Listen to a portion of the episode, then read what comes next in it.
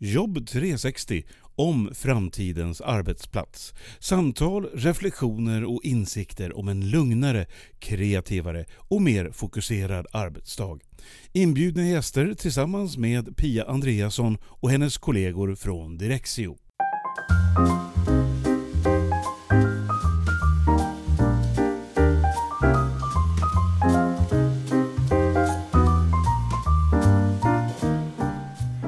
Nu ska jag iväg till Tenant Partner och där ska jag träffa Lisa Wik. Hon ska berätta för mig om ett nytt sätt som de har hos sig att organisera sin verksamhet när det gäller hur man samarbetar, hur man sätter samman teamen och hur man tar sina beslut. Jag har hört lite grann om det här sättet att arbeta förut, men jag vet inte så mycket. Så jag är jättenyfiken och det ska bli väldigt intressant att höra Lisa berätta mera om det här.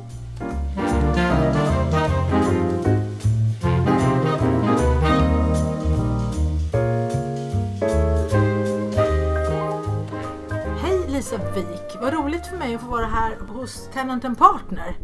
Jag frågade dig nyss vad du, vad du gör för något. Vad heter det att du gör? Och då sa du faktiskt två saker. Att vad du gör här och, och vad, vad du skulle ha hetat på någon annanstans. Då får du repetera det. Ja, jag brukar ju presentera mig själv som att jag här på Tenant Partner jobbar med medarbetarupplevelsen. Eh, men brukar också, när någon tycker att det kanske då låter lite luddigt, säga att på en vanlig arbetsplats så hade man nog kallat mig för personalchef. Ja, och anledningen till att jag är här är ju att jag har fattat här nu under våren att Tenant är inte riktigt någon sån här vanlig arbetsplats. Ni har gjort en massa förändringar som är lite spännande men först tänkte jag att du berättar mer om dig själv då. Du har ju varit här på Talent Partner hur länge och vad har du gjort innan och sådär? Mm. Så. Ja, precis. Vem är jag?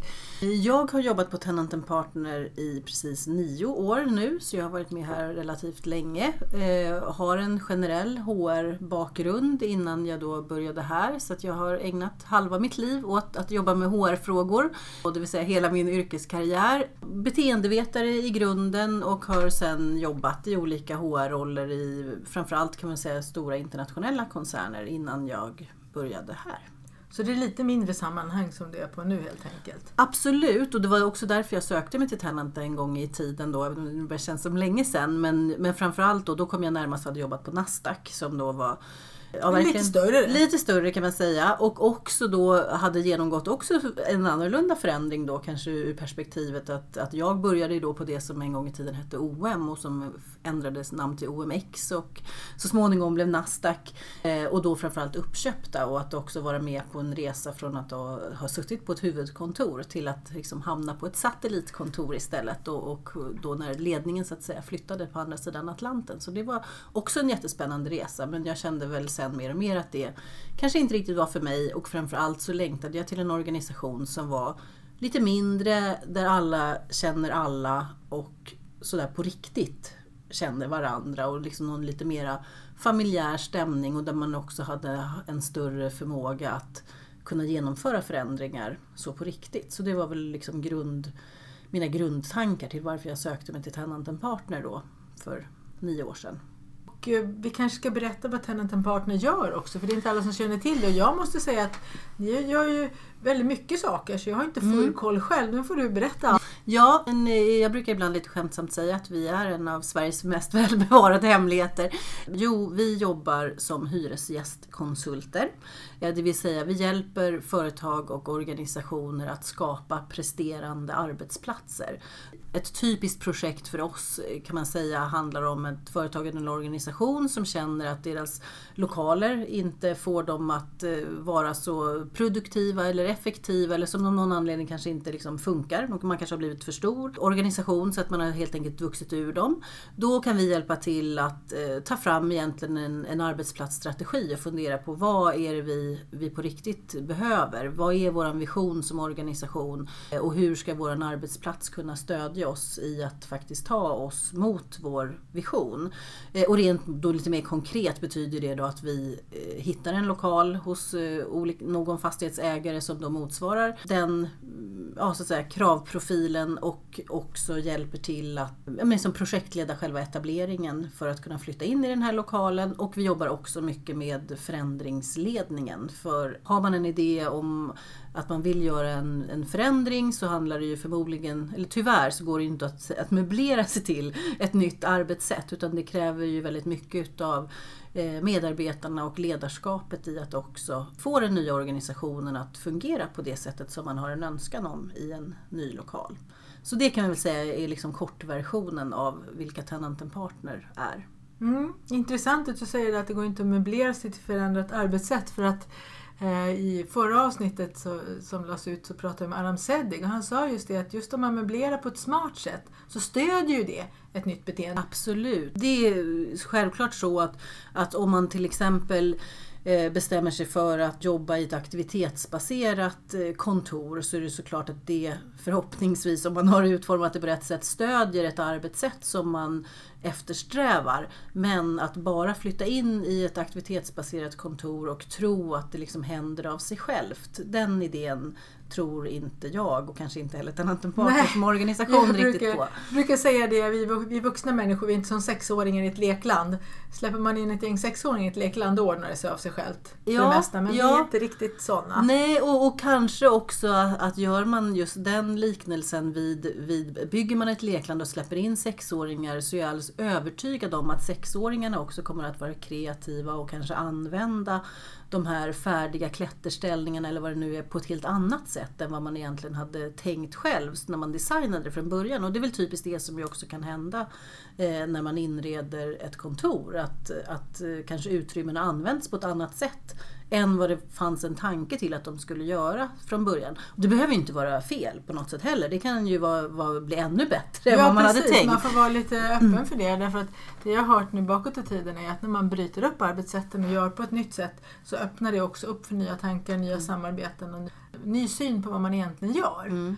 Och jag tänker att det här sättet som du ska få berätta om nu, som ni har börjat jobba efter, Eh, var det så att ni jobbade med andra kunder och hörde väldigt mycket saker och tänkte väldigt mycket och så funderade ni vad Ska vi inte ta och fundera själva på hur vi gör? Eller var kom den här tanken ifrån till förändringen först? Innan vi börjar berätta om mm. själva förändringen, så hur uppkom tanken? Jo, hur uppkom tanken? Nej, men tanken kom egentligen, skulle jag säga, väldigt mycket inifrån.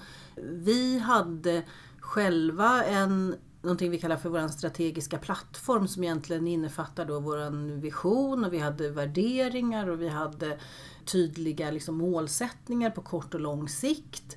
Det är ganska så traditionellt eh, liksom affärsmässigt upplägg som många organisationer fortfarande idag ju arbetar utifrån.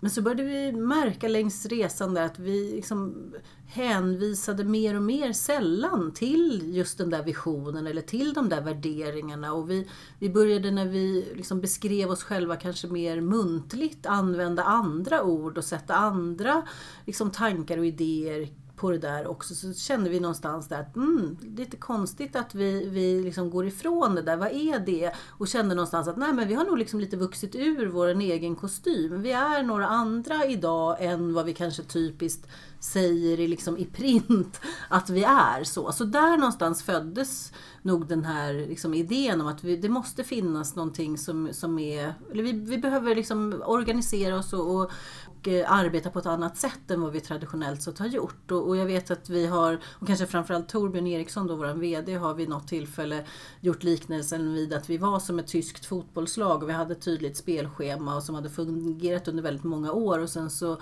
sa vi bara att nej, vi liksom slopar allt det där och vi gör om allting och, och eh, börjar om ett blankt papper och funderar på hur, hur ska det vara egentligen. Och vilket känns mer naturligt för oss. Och där någonstans så, så landade vi väl just i det här att utgå mera från individen och vilka, liksom, vilka är mina egna värderingar som individ och vilka är mina inre drivkrafter. Att det kändes mycket viktigare att det skulle få plats i en, i en ny organisationsform.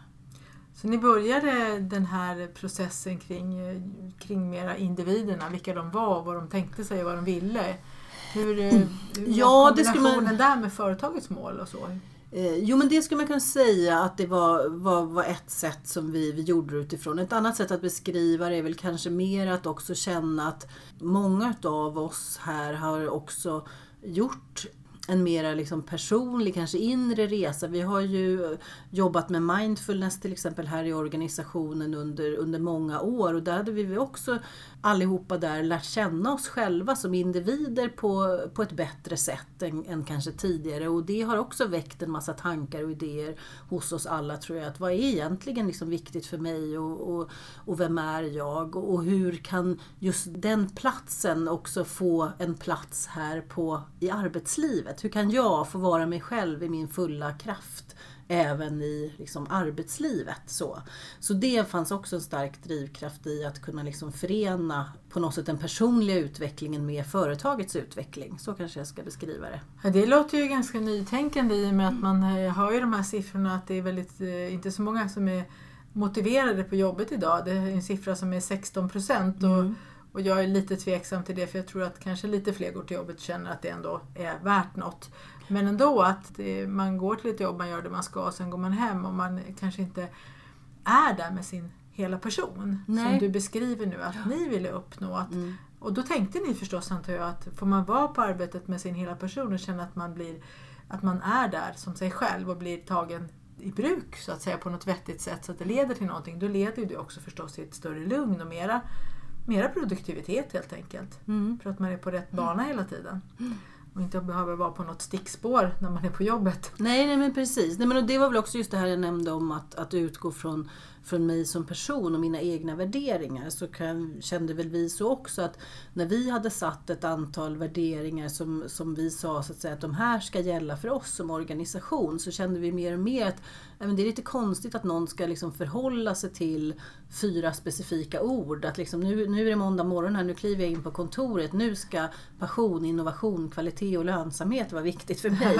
och samtidigt som värderingar är ofta relativt sådär vida och breda så de är ganska lätta att förhålla sig till. Men sådär, om jag ändå på riktigt får fundera över vilka är mina egna värderingar och vad är på riktigt viktigt för mig och att istället kunna koppla ihop dem med företagets vision kanske så kände vi så att vi behöver inga gemensamma värderingar. Däremot så kan vi behöva kanske lite mera spelregler eller vad jag nu ska kalla det för, eller lite principer eller kanske så guidelines i, i, liksom på den där vägen också då. Men vi har någonting som vi kallar för våran ryggrad som är ja, just ett, ett gäng liksom mer principer som kan till exempel lyda som att vi skapar tillitsfulla relationer. Då, då räcker det liksom med det som lite sådär guidance på vägen. Mm. Men hur gick det till då rent praktiskt när de här idéerna började vakna och sen så var ni några stycken som satt er och, och grunnade på det här som du just mm. beskrivit. Hur, hur la ni upp sen färdplanen då? Vad, vad började ni med och hur, hur såg det ut? Vi började med eh, att faktiskt just fundera över våran vision sådär på, på riktigt. Varför klev vi upp ur sängen i morse? Varför gick vi till jobbet då? Och vad är det vi vill uppnå? Eh, och inspirerad utav Simon Sinek då ja, såklart. Start med, why, starta med var. Precis. Varför, ja. eh, så gjorde vi just det och, och funderade på vad, vad ska våran vision vara så. Och landade då efter mycket omtumlande och också väldigt ska jag säga, intim process. Också så. Jag ska säga att på Talent Partner, flera av oss som jobbar här har jobbat här länge. Eh, vi har en handfull delägare i vårt företag som ju har både satsat och offrat såklart mycket mer än, än, än att bara vara så att säga, vanlig anställd i det här också. Så men vi har ett väldigt högt engagemang skulle jag generellt sett säga och, och liksom stark lojalitet. Och det var en omtumlande process i det där för att det också visade sig hur viktigt det var för oss att just den där visionen landade rätt. Men eh, när den väl gjorde det, när vi till slut enades om att ha en vision som lyder att tillsammans skapar vi ett inspirerande och meningsfullt arbetsliv. Då var det som att eh, liksom, alla bitar på något sätt föll på plats och kändes så givet att det var just det eh, visionen skulle vara. Och sen har vi liksom haft den då så tydligt lysande för oss och vet att det är den där riktningen vi ska ta oss. Men när visionen då också var satt så var det, blev det ju nästa steg ganska tydligt att den här klassiska hierarkiska organisationen vi har, strukturen satt, den tar oss inte liksom på rätt sätt som vi kände då i riktningen mot visionen utan då var det viktigt att fundera över nej, men hur ska vi vara organiserade då? Jag ska säga också när vi, vi tog fram visionen hade vi god hjälp utav en organisation som heter Self Leaders som hjälpte oss att facilitera den processen.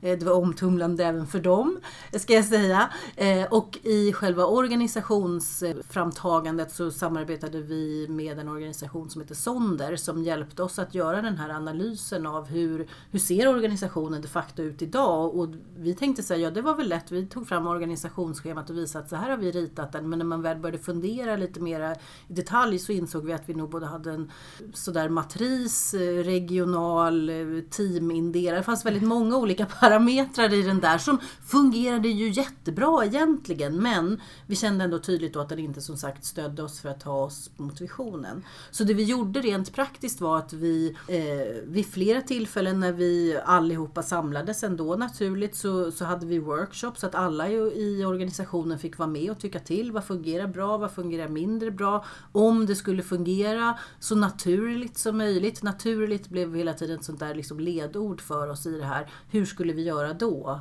Som, vad, vad är det mest naturliga sättet att agera till exempel om någon har sålt in ett uppdrag? Hur ska vi bemanna det där och hur ska vi jobba i projektet? Vad är det liksom naturliga sättet att göra? Är det naturligt att gå till en chef och fråga vilka resurser som finns lediga? Eller är det inte mer naturligt att den som har sålt in uppdraget går till de individerna som den faktiskt tror skulle göra sig bäst i det här uppdraget och fråga om de är intresserade av att jobba i det. Jo, vi landade nog lite i att det kanske var det senare. Då blir det. Ja men ja. precis, lite mer organiskt och, och sådär. Så att, eh, allt ifrån workshops, vi hade någon enkät, vi har haft djupintervjuer och alla som, som ville fick vara med och, och tycka till. Och till slut så, så landade vi då i att eh, en mer då eller en helt egentligen icke-hierarkisk nätverksbaserad organisation kändes mer naturligt för oss.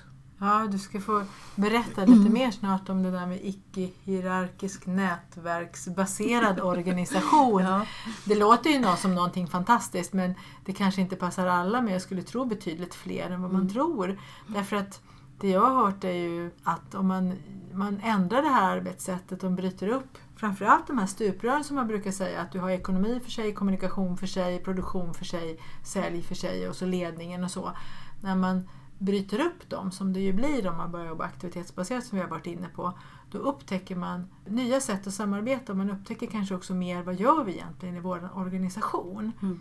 Och när VDn sitter bland alla andra på, på, i det här landskapet så blir det också en annan position mm. åt det mera icke-hierarkiska hållet. Mm.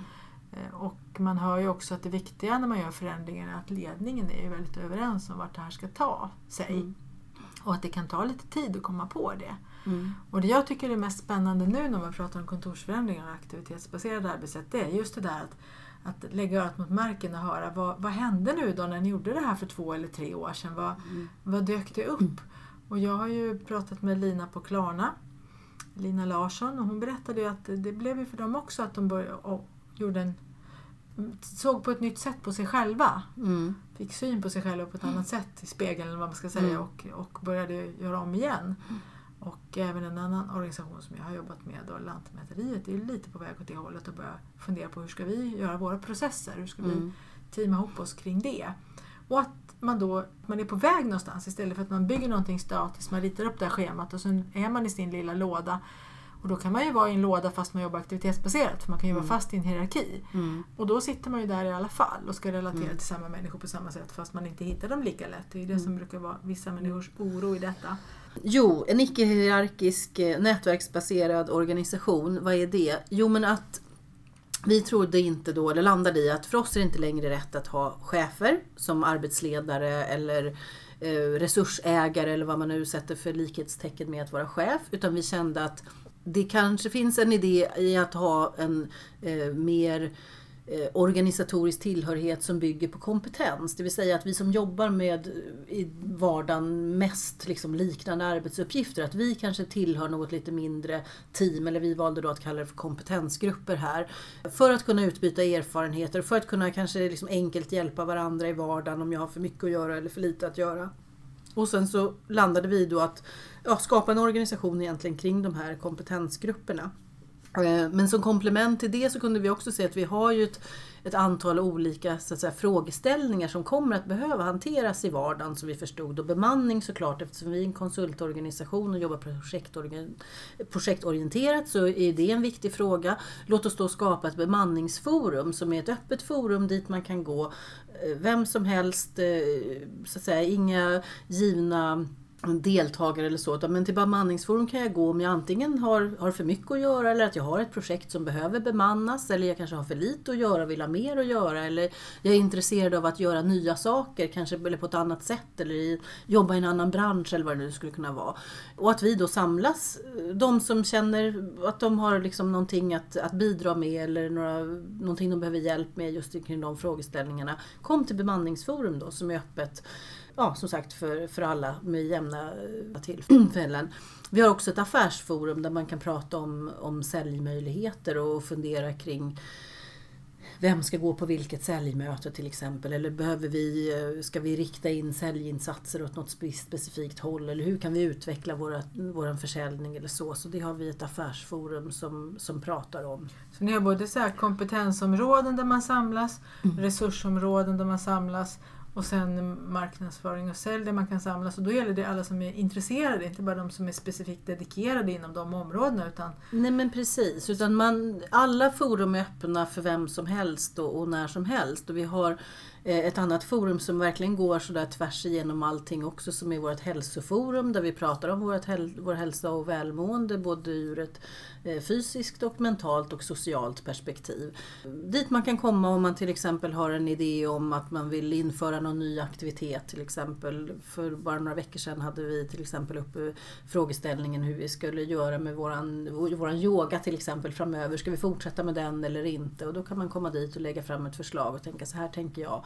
Och sen så har vi då en, en också ny form utav beslutsfattande. För det är ju en annan sak som är viktigt också i, i en sån här organisation. När man inte längre har de där traditionella hierarkierna som, som fattar beslut. Utan här Eh, I vår organisation så har vi egentligen två olika former utav beslutsfattande och det ena kallar vi för integrerat beslutsfattande eh, och det andra kallar vi för advice. Och när det kommer till integrerat beslutsfattande så betyder det egentligen att jag har en frågeställning som kanske är utav lite större karaktär, det vill säga det krävs flera som är med och, och fattar det här beslutet.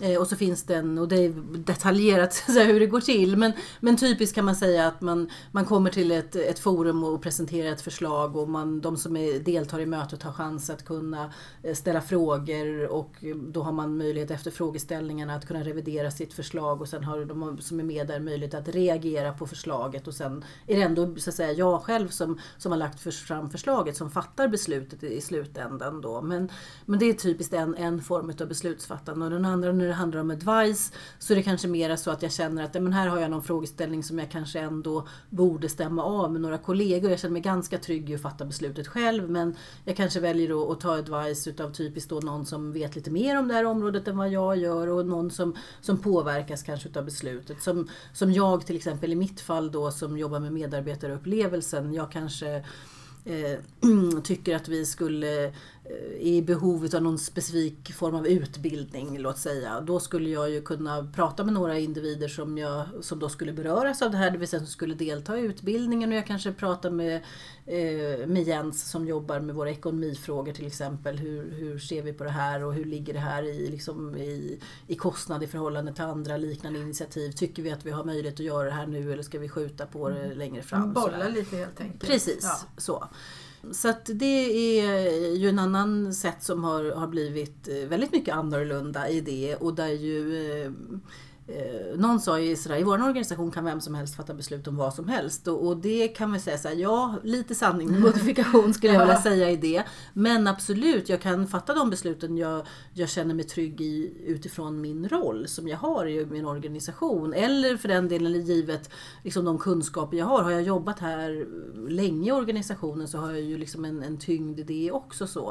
Eh, men fortfarande viktigt att också involvera många fler i beslutsfattande. Om jag jämför då med den traditionella organisationen vi hade tidigare med typiskt en ledningsgrupp så kunde ju vi sitta där och fatta beslut egentligen om frågeställningar som vi inte själva berördes av eller som vi inte själva lite, kunskap precis, om heller för den delen. Uppifrån och ner ja, blir det då. Och då är det svårare att få lojalitet på det också, få folk att ställa upp på det. Men det som jag tänker, en, en sak som är i många andra organisationer, det är att det finns mycket tyckanden. Mm. Och ibland så blir det till och med det som brukar kallas för skitsnack Mm. i värsta fall. Och när ni har den här, besluts, den här organisationen och den här ordningen för att ta beslut, då måste det ju vara så för er att det här med tyckanden, det, det finns ju nästan inte. För tycker man något så har man ju alltid möjlighet att ta tag i det. Mm. Tycker man någonting tillräckligt starkt så kan man plocka upp det på agendan Mm. och kanske till och med själv få ta ett beslut Mm. om det. Mm. Eh, om ekonomin tillåter det, om det är rimligt i anslutning till verksamheten och, Mm. och de andra och så. Jag kan tänka mig att ni skulle inte låta någon få ta beslut om att det var okej att röka här inne i era lokaler men man Nej, då- skulle... Då hade man kunna- krävt ett integrerat Ja, beslutsfattande precis. hälsoforum. Då hade det skulle jag säga. så. Precis. Ja, Och precis. då hade det Ja. blivit kanske stopp där då. Mm. Men jag skulle fortfarande kunna ta upp frågan och låta den landa istället för att gå och surra över att typiskt att man inte får göra så här. Eller varför har, varför har vi pappershanddukar och inte vanliga handdukar? Det är så dumt. Liksom. Mm. Sånt kan ju komma på en annan arbetsplats. Ja. Men det, det behöver inte ni ha nu längre då. Nej men så är det verkligen. Att det har ju... Och än så länge ska jag säga, så känner vi väl inte att det har varit något beslut som har liksom fattats givet de här premisserna som har blivit jättekonstigt heller. Jag ska också lägga till i den här just modellen med integrerat beslutsfattande så har man också möjlighet då eh, att lägga in sitt veto. Att om jag känner att jag på riktigt tror att det här eh, förslaget faktiskt kommer att skada våran verksamhet på något sätt.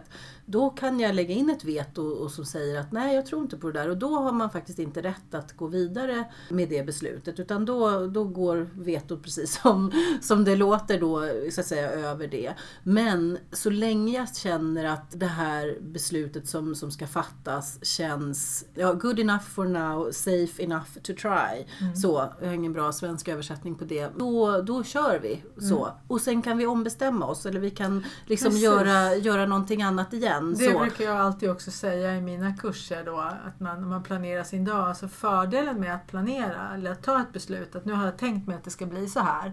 Fördelen med det är att man kan ändra sig Mm. och man kan ändra sig hur många gånger man vill. Mm. Men om man inte tar det där tydliga beslutet, då kan man dels inte justera det så att det blir bra och sen så vet man inte efteråt heller någonting egentligen. Nej. För man hade ingen riktning från början så man vet inte om man har hamnat på rätt ställe utan man kan vara helt Mm. ute i det blå och så. Så när, när ni håller på med det här nya arbetssättet då, har du några tydliga såna här lärdomar, insikter som har, som har kommit? För din egen del kanske? Vad har du som, som ansvarig för medarbetarupplevelsen? Ja. Eh, Eller vad man nu ska säga, Eh, personalchef kanske ja, med enkel svenska. Vad har Ja. du Nej, men en sak som jag verkligen har lärt mig är hur svår en förändringsresa också faktiskt är.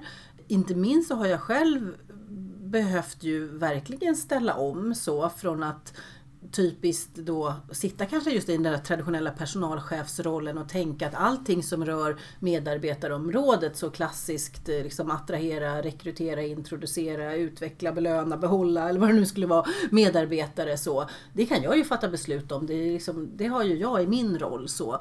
Så är det ju faktiskt inte så alls längre utan jag behöver ju verkligen involvera många flera i eventuella beslut som, som jag ska ta i min vardag. Just det där, vem berörs av det här och vem påverkas och vem vet mera?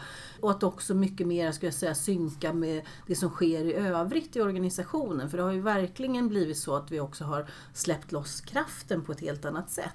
Historiskt sett så gjorde vi verksamhetsplaneringen, eh, de då som hade just ledande roller i organisationen, typiskt liksom chefsledet åkte iväg ett par dagar och gjorde verksamhetsplanering och sen kom vi hem och, och presenterade planen och sa att så här ska vi göra, liksom, det här fokuset ska vi ha nästa år. Och det har fungerat jättebra och inget liksom, ont om det. Men nu när vi då de senaste åren istället har gjort den här planeringen allihopa tillsammans och där alla verkligen får känna efter vad, vad har jag min energi? Ja, men jag vill utveckla vårat, våran försäljning eller jag vill jobba mera i det här specifika initiativet med vår coachingstruktur eller jag vill jobba mer med performing workplaces som vårt varumärkeslöfte sådär att det här brinner jag för då blir det en helt annan kraft. Men då är det också så mycket viktigare att de här liksom, initiativen synkas med varandra. Så att jag skulle verkligen säga att vi är inte längre de här isolerade öarna utan nu är vi mera liksom just det där nätverket som, som håller ihop. Eller i alla fall, vi är på väg god att bli, ska jag säga det. För det är långt ifrån så att vi är ett självspelande piano nu efter ett par år. Det så, så är det ju inte, eller ett och ett halvt har det egentligen bara Ja, gått. men Så. ni får ju flera ögon på alla processer i och med att alla som är intresserade av en process har ju möjlighet att vara intresserade där. Jag är ju eh, marknadsekonom bakåt i Mm. tiden så jag blir ju genast intresserad. Har det blivit så nu att, att ni har flera marknadsögon ute? Hittar ni fler affärsmöjligheter eller flera sätt att hjälpa era kunder på i och med den här nya organisationen? Jo, men det skulle jag ju säga att det var. Faktiskt så var det ju så att föregående år så eh, var ju ett utav våra liksom, bästa år, vad nu bästa är så, från de, de perspektiven som lättare då går att mäta på så eh, var det ju liksom en stor framgång för oss. Och jag känner ju liksom i hjärtat att det ju handlar mycket om att vi har släppt den här liksom, kraften lös på något sätt och att människor tror jag som jobbar här känner i mycket större utsträckning att man både kan styra över sin, sin tid och kraft och energi själva också så. Så att, mm, positiva siffror på, på alla sätt och vis och inte minst att vårt medarbetarindex, vilket man ju traditionellt sådär i HR-kretsar pratar om att det är ett väldigt trögrörligt mått men, men vi ökade faktiskt med 10% från ett år till ett annat så det känns som sådär lite att jag fortfarande nyper mig i armen och funderar på Ja. så. Och sen säger jag inte att det bara handlar om organisationen eller så men, men det är klart att vi ändå kan se att det måste ju vara en eh, del mycket i det. ligger i det. Ja. Jag funderar i första hand då på kunderna för att era kunder är ju det. Det är ju de som ni har i centrum naturligtvis. Det har ju alla företag förhoppningsvis. Mm. Eh, annars överlever man ju inte så länge. Men kunderna, på vilket sätt tycker, tycker du och kollegorna att ni gör ett, en bättre leverans till era kunder i och med det här nya sättet? Jo, men jag tror att en stor del i det ju handlar om att när eh, man som medarbetare på Tenant Partner faktiskt själv får välja vilket projekt du vill jobba i i större utsträckning. Att du ju känner ett mycket starkare engagemang i det då. Och kanske också en sån enkel som att om du också får möjlighet att jobba tillsammans med specifika kollegor som du kanske har varit nyfiken med. I den här tidigare teamstrukturen så jobbade vi väldigt mycket just i de givna grupperingarna och inte så mycket över teamgränserna. Men nu kan vi ju liksom utgå från vad är den här kundens faktiskt specifika behov och vilka här hos oss skulle vara bäst lämpade att utföra det här jobbet. Och det kommer ju verkligen kunderna till gagn när vi liksom sätter dem så i centrum och inte vilket team har minst eller liksom mest att göra eller så. Eller de här råkade det liksom bli Precis, den här det blir gången. inte slumpmässigt utan teamen blir mera på, som du säger, varje medarbetare som är i det teamet är, är verkligen intresserad av just den här kunden och deras process och deras situation. Ja, så det, det hoppas jag att våra kunder skulle, skulle säga att de också upplever idag. Och en annan sak tror jag också handlar om att vi ju under den här resan också, både som jag sa att vi liksom omvärderade våran vision och, och satte den tydligare, att vi har den verkligen som en, en väldigt tydlig riktlinje i vardagen. Och att skapa ett inspirerande och meningsfullt arbetsliv, det handlar ju inte om att vi bara vill göra det här för oss internt utan också ju att det är ju det vi vill göra för våra kunder också. Så att alla medarbetare som är hos våra kunderna faktiskt också känner att när de kliver in i en ny lokal så har de också fått ett mer inspirerande och meningsfullt arbetsliv hos sig också i sin vardag. Och det känner ju vi är liksom vårt stora bidrag till samhället och världen i stort också kring att kunna, inte minst förhoppningsvis då minska de ohälsotalen till exempel som finns idag. Utan att ju är fler väldigt kostsamma och onödiga. Ja men precis, och ju fler som kan komma till sin arbetsplats eller för den delen då inte heller komma till sitt ar- sin arbetsplats utan kanske kan utföra sin arbets, sina arbetsuppgifter från någon annan plats också för den delen och kanske känna just en större frihet så hoppas ju vi att vi kan kan hjälpa till på den resan också sådär för, för världen i stort på något sätt och det låter kanske lite sådär högtravigt. Ja, men... men man måste ha det, varje människa som kan må bättre och som inte blir sjuk på grund av jobbet är ju ett framsteg. Ja. Så, så tänker ju vi också på Drexio, och särskilt jag då, att, att hjälpa människor att få det här lugnet i arbetslivet. Ja.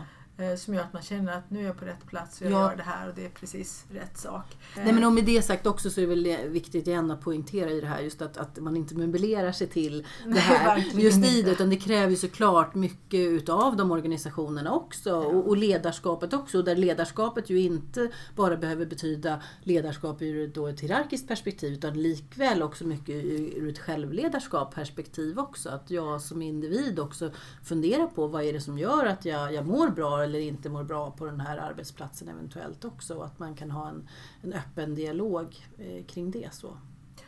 Ni, om något företag eller organisation skulle bli nu nyfikna på att börja skruva på det här och ta till sig Mm. någonting, har du något par konkreta tips som du kan ge?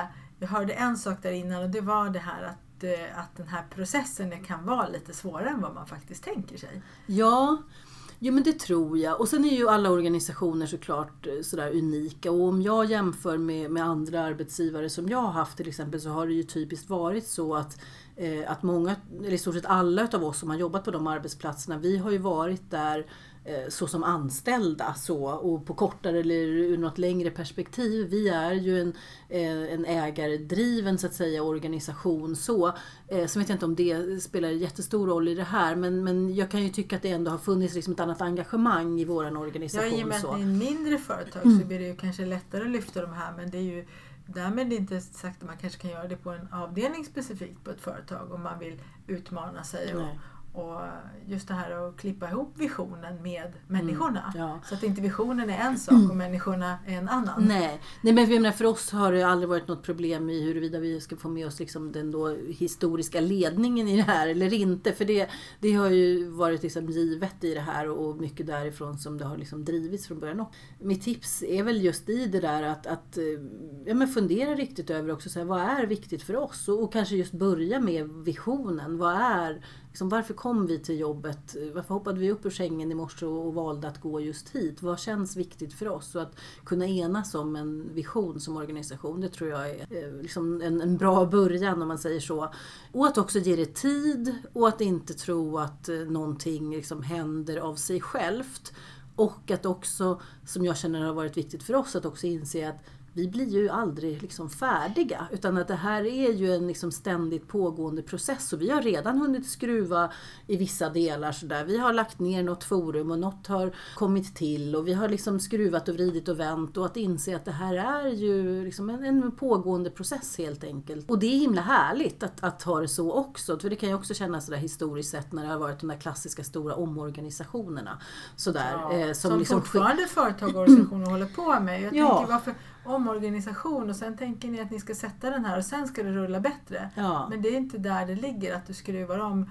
Det kan ju vara så att du behöver mer folk på ett ställe och mindre folk på ett annat. Men det har ju ni löst genom att, att du när du ska anställa någon, om någon slutar så kan inte du bara automatiskt leta efter en likadan. Som man kanske gör. Utan du måste förankra det beslutet och då kanske det kommer fram då. Du kanske, du kanske får ett veto Ja, och säger ja. att nej, Mm. vi behöver inte en till sån.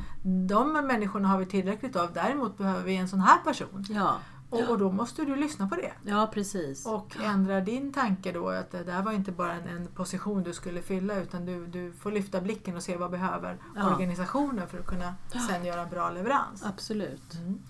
Ja, det blir Mm. jättespännande. Och jag antar att man kan kontakta er på Tennet om man vill ha råd i hur man ska gå tillväga i en sån här process om man är modig nog. Mod! Ja. Du nämnde inte mod Lena, men det Mm. måste jag säga att det behöver man ju Mm. faktiskt ha. Man måste våga utmana sig själv ganska rejält. Jo, men det måste man göra. När man också sådär känner någonting så starkt inom sig, att det, det liksom känns som att det är rätt.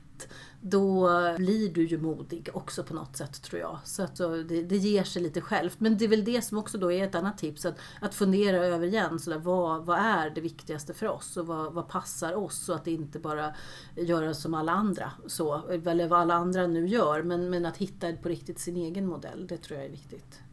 Då säger jag tack till dig Lisa för att jag har fått prata med dig om det här med, vad var det nu sa att ni var? Ni var en Ja, icke-hierarkisk nätverksbaserad organisation. icke-hierarkisk nätverksbaserad organisation. Ja, Mm, jag kunde ja. det. Vad bra då, då har jag lärt mig något också på det här programmet. ja. Tack ska du ha. Tack själv.